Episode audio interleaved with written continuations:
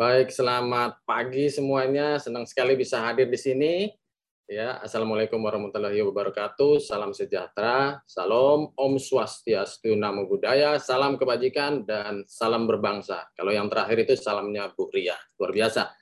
Uh, terima kasih buat Pak Taufik Majid, Sekjen Kemendes dan Daerah Tertinggal atas paparannya tadi yang luar biasa memberikan saya masukan termasuk angka tadi kayaknya uh, angka jumlah desa ini ada koreksi sedikit, mohon maaf nanti di, di slide saya itu harus dikoreksi agak beda-beda seribu. Intinya negara kita kaya banget, desanya banyak, kekayaan alamnya juga banyak.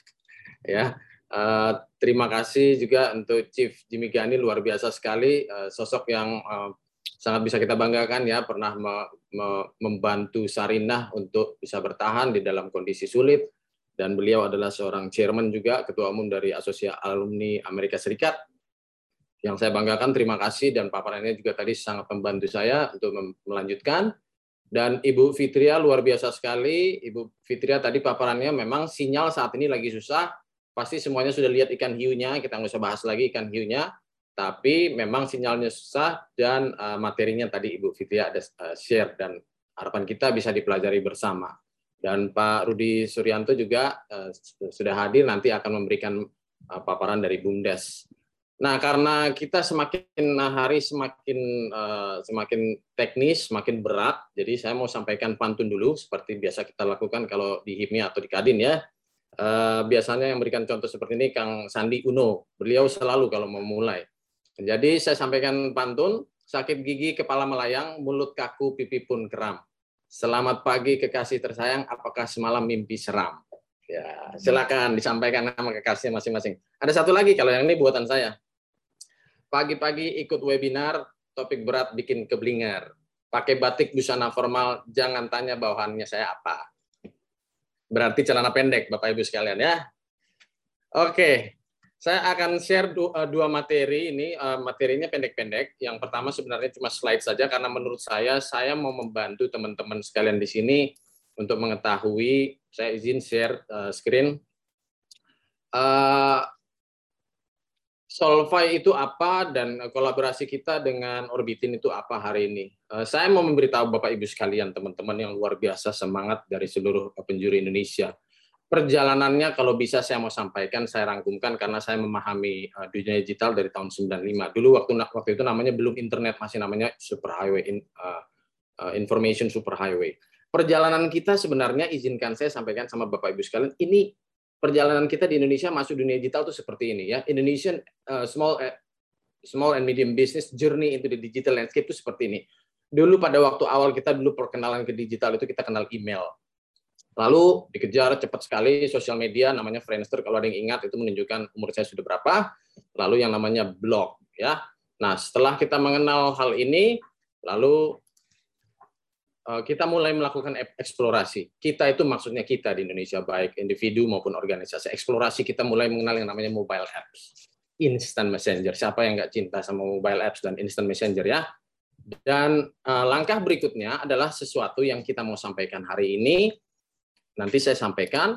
Dan uh, berikutnya adalah trading. Teman-teman semua cemplung masuk ke marketplace. Wah indah sekali marketplace ya. Ada teman saya yang sudah tua, Eh, dari eh, WhatsApp grup lain, bapak-bapak, dia jualan pernah sampai berapa tahun lalu ya, pernah sampai beberapa miliar, beberapa miliar ya. Tapi sekarang nggak bisa lagi dia dapat eh, satu atau dua miliar itu waktu jualan.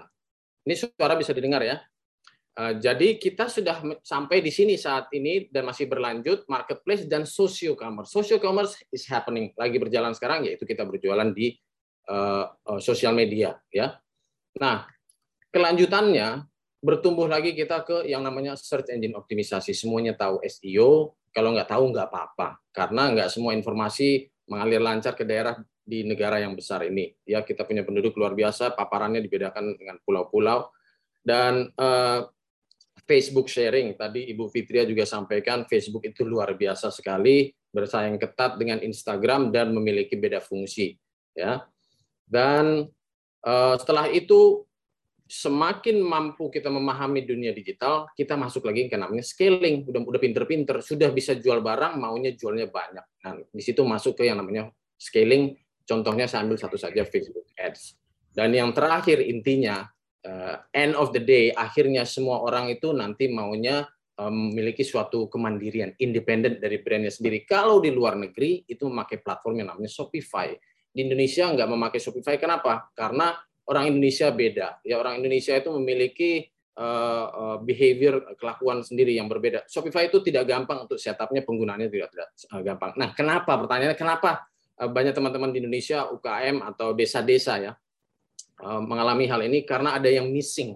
Tadi di step ketiga itu ada missing dan harapan kita dari launching bersama, kita harus berkolaborasi. Bangsa besar ini harus dibantu dengan gotong royong. Di sinilah kita datang ya, learning. Saking uh, semangatnya kita masuk ke ranah digital, sekarang sudah 5,0, luar biasa tadi Bu Ria sampaikan.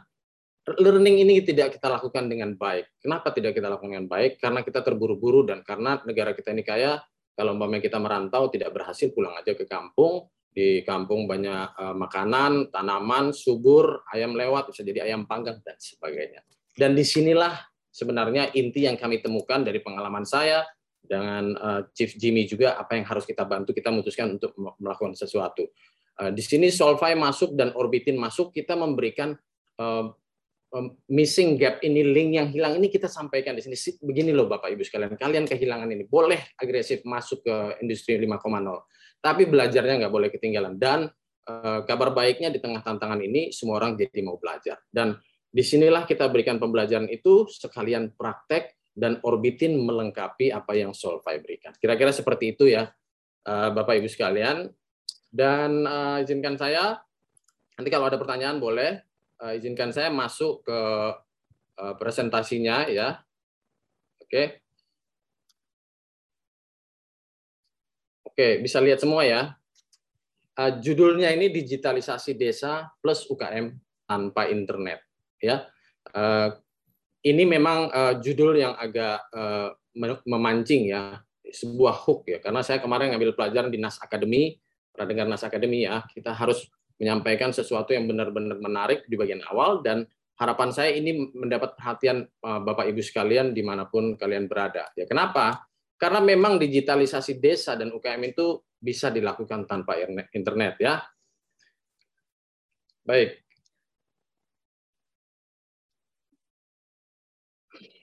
Oke, tidak kenal maka tak sayang ya. Jadi eh, biarkan saya izinkan saya sampaikan sedikit perjalanan saya untuk mengetahui apa yang kita hadapi di negeri ini. Saya di tahun 2010 sampai 2015 itu saya terlibat di dua kepengurusan uh, HIPMI Lalu 2015 sampai 2021 saya di eh, Kadin Indonesia eh, di eh, industri kreatif bagian IT ya. Lalu ada beberapa kegiatan yang kita sudah ikuti dengan platform Solvay, misalnya Echelon 27 kita masuk ke 100 Asia, Apple Academy, dan saya saat ini masih sebagai pembicara regular guest setiap Senin malam di Smart FM. topiknya adalah Smart E-commerce. Dan saya juga sebagai country director perusahaan namanya London Tower Capital dengan pihak asing dan saat ini saya juga menjadi pengajar atau instruktur di program prakerja. Ini kita ada beberapa mitra di bawah program uh, platform kita ini ada uh, kerjasama dengan teman-teman uh, di di prakerja seperti Bukalapak, Pintaria, Cakap, Shopee dan lain-lain ya teman-teman sekalian. Nah ada ini yang tadi saya bilang ada kurang lebih 82.000 sampai 87.000 di Indonesia yang kaya dengan potensi pariwisata, flora, fauna, kekayaan alam dan sebagainya. Dan UKM-nya juga ada di dalam. Ini saya pelajari sangat uh, nyata di di HIPMI dan di Kadin bagaimana hubungannya sangat erat antara UKM dan desa. Pada saat uh, sebuah uh, lembaga, sebuah usaha misalnya berangkat ke luar negeri ke Eropa pameran eh, tiga hari dengan segala kekuatannya mereka pameran pulang itu bisa dengan muka yang sangat eh, sedih ya atau kecewa kenapa karena dia menghadapi tantangan yang tidak bisa dia bereskan ya nah oleh karena itulah eh, dari analisa saya desa itu sangat penting untuk bekerja sama dengan UKM dan UKM ini akan menjadi kuat secara kolektif secara bersama-sama jadi inilah makanya webinar kita hari ini kita gabungkan kedua hal ini tidak boleh dipisahkan dari satu sama lain. Untuk apa? Untuk menyampaikan uh, apa yang dimilikinya. Tadi Pak Menteri sampaikan uh, pariwisata akan booming uh, post pandemi itu benar sekali dan akan terjadi dan mudah-mudahan kita belum terlambat untuk melakukan sesuatu sebelum ini terjadi, di mana desa-desa harusnya siap. Kalau desa-desa siap, UKM-nya di dalamnya siap. Siap dengan apa? Dengan pariwisata, dengan flora faunanya, kekayaan alamnya, dan uh, otomatis produk-produknya yang di, dimiliki UKM. Tapi uh, ini yang kita hadapi sekarang ini sampai sekarang masih menjadi problem adalah uh, akses untuk internet. Oke. Okay? Nah, kalau kita bicara mengenai uh, problem, ada tiga sebenarnya. Kalau saya simpelkan saja banyak sekali problem, tapi uh, banyak teman-teman nanti yang akan membantu. Dalam hal ini kita launching hari ini uh, Solvay dan Orbitin ingin memfokuskan pada hal yang uh, sangat kritikal, yaitu infras masalah saat ini adalah infrastruktur uh, connectivity infrastruktur ini memang belum ada. Tidak semua orang memiliki konektivitas internet. Tapi kah, apakah desa atau tempat yang tidak memiliki konektivitas internet ini harus kita anak tirikan, kita biarkan begitu saja? Jawabannya tidak. Semua desa, walaupun tidak ada internet connectivity, harusnya bisa masuk ke era eh, konten ekonomi ini. ya Era yang dijalankan oleh konten apa yang kita masukkan ke dunia internet.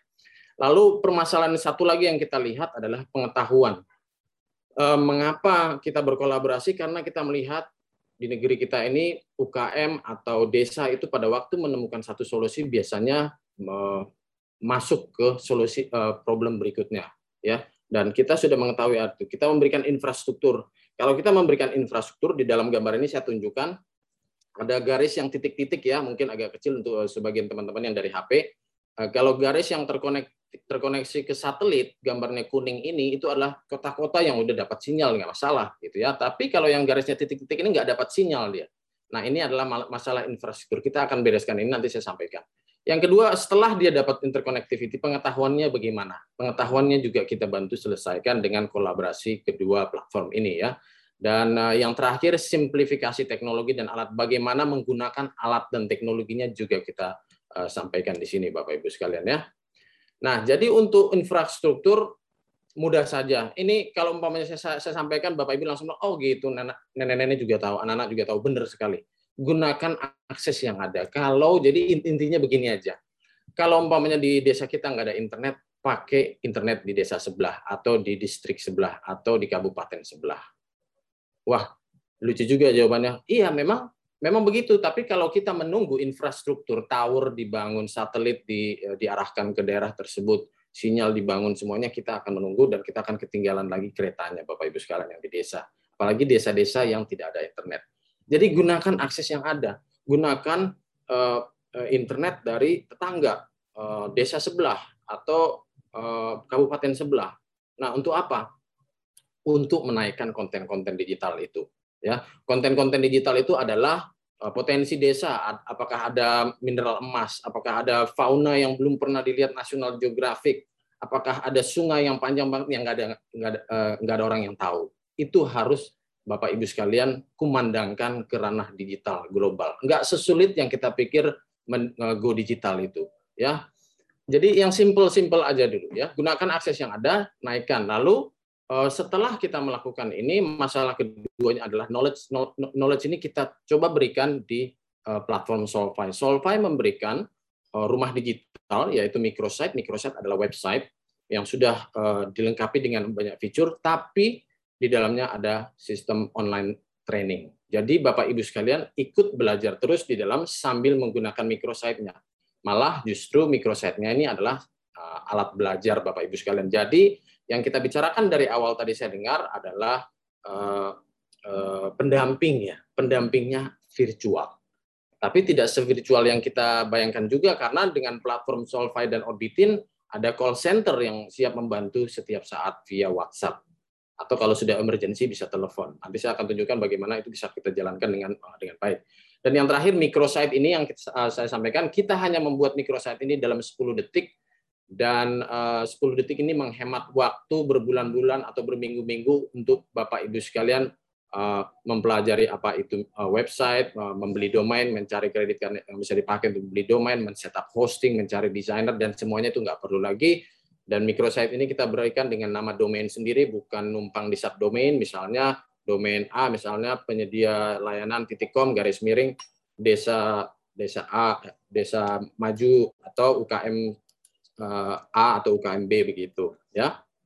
Dan saat ini kita juga ada kelas online-nya, di mana pada waktu Bapak Ibu mengambil kelas ini, microsite-nya juga dapat langsung bisa dipakai. Nah, pada saat kita membangun microsite-microsite ini, ada kekurangan-kekurangan lain yang kita tahu penting sekali harus dilengkapi. Inilah saatnya pada waktu tim Orbitin siap datang membantu. Salah satu yang baru kita luncurkan juga beberapa minggu lalu adalah tim Orbitin men-setup akun-akun profesional uh, sosial media Eh, teman-teman sekalian. Akun profesional ya, bukan akun pribadi atau asal buat. Jadi pada waktu kita masuk ke ranah digital ini kita harus mengikuti aturan main. Bagaimana sebuah uh, uh, aset digital itu bisa diterima oleh halayak umum di negeri kita maupun di luar negeri. Ya.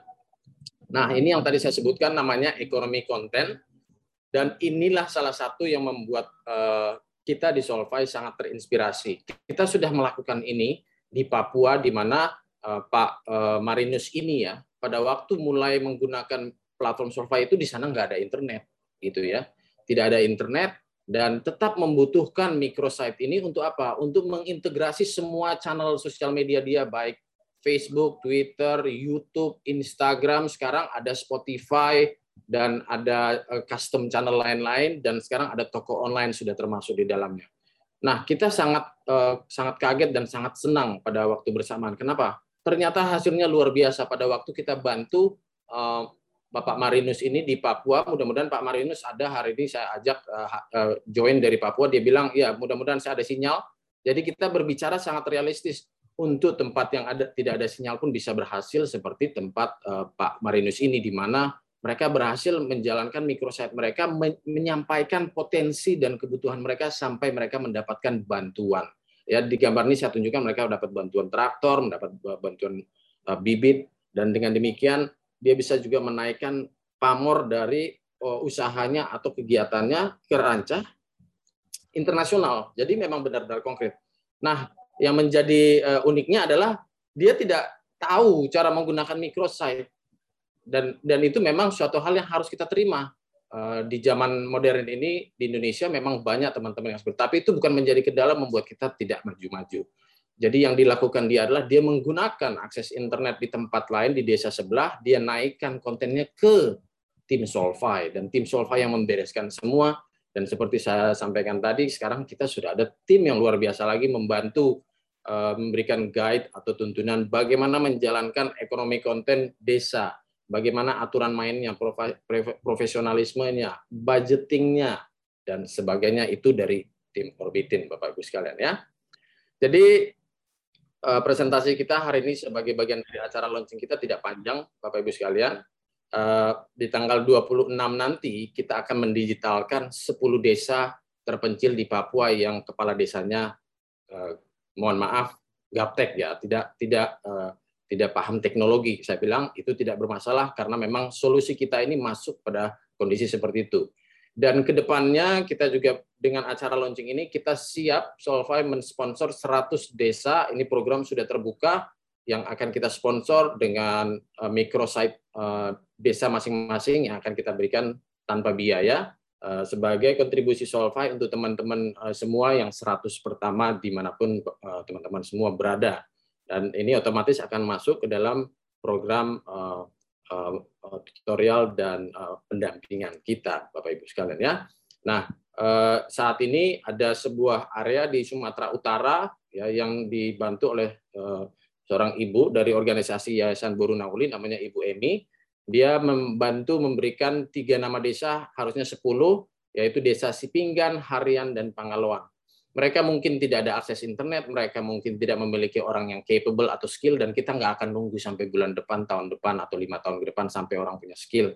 Kita bantu, kita naikkan potensi desa, desanya, dan kita akan siap untuk era post-COVID-19 nanti, seperti dibilang Pak Menteri tadi, pasti nanti akan booming, Bapak Ibu sekalian. ya. Jadi, apa sih yang bisa kita lakukan kalau ini bisa kita laksanakan dari langkah-langkah kecil, kita bikin program kecil, lalu kita mungkin bisa meningkat ke seribu desa, lalu berapapun desa yang ada di, eh, di Nusantara, dan bisa menjadi contoh untuk provinsi-provinsi lain. Kita ambil baby step, langkah-langkah kecil. Hari ini kita dengan senang hati ada eh, perwakilan eh, dan perhatian dari Kementerian Pedesaan, ya, dari organisasi BUMDes, Solvay sendiri dan Orbitin, ya, yaitu kolaborasi ini dan orang-orang yang paham benar ahli-ahli dari bidang ini dengan desa, yaitu dari organisasi berbangsa Bu Ria tadi.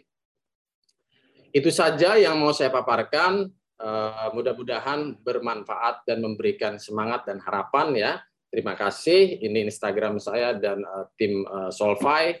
Mudah-mudahan acara kita hari ini bermanfaat untuk kita semua. Terima kasih.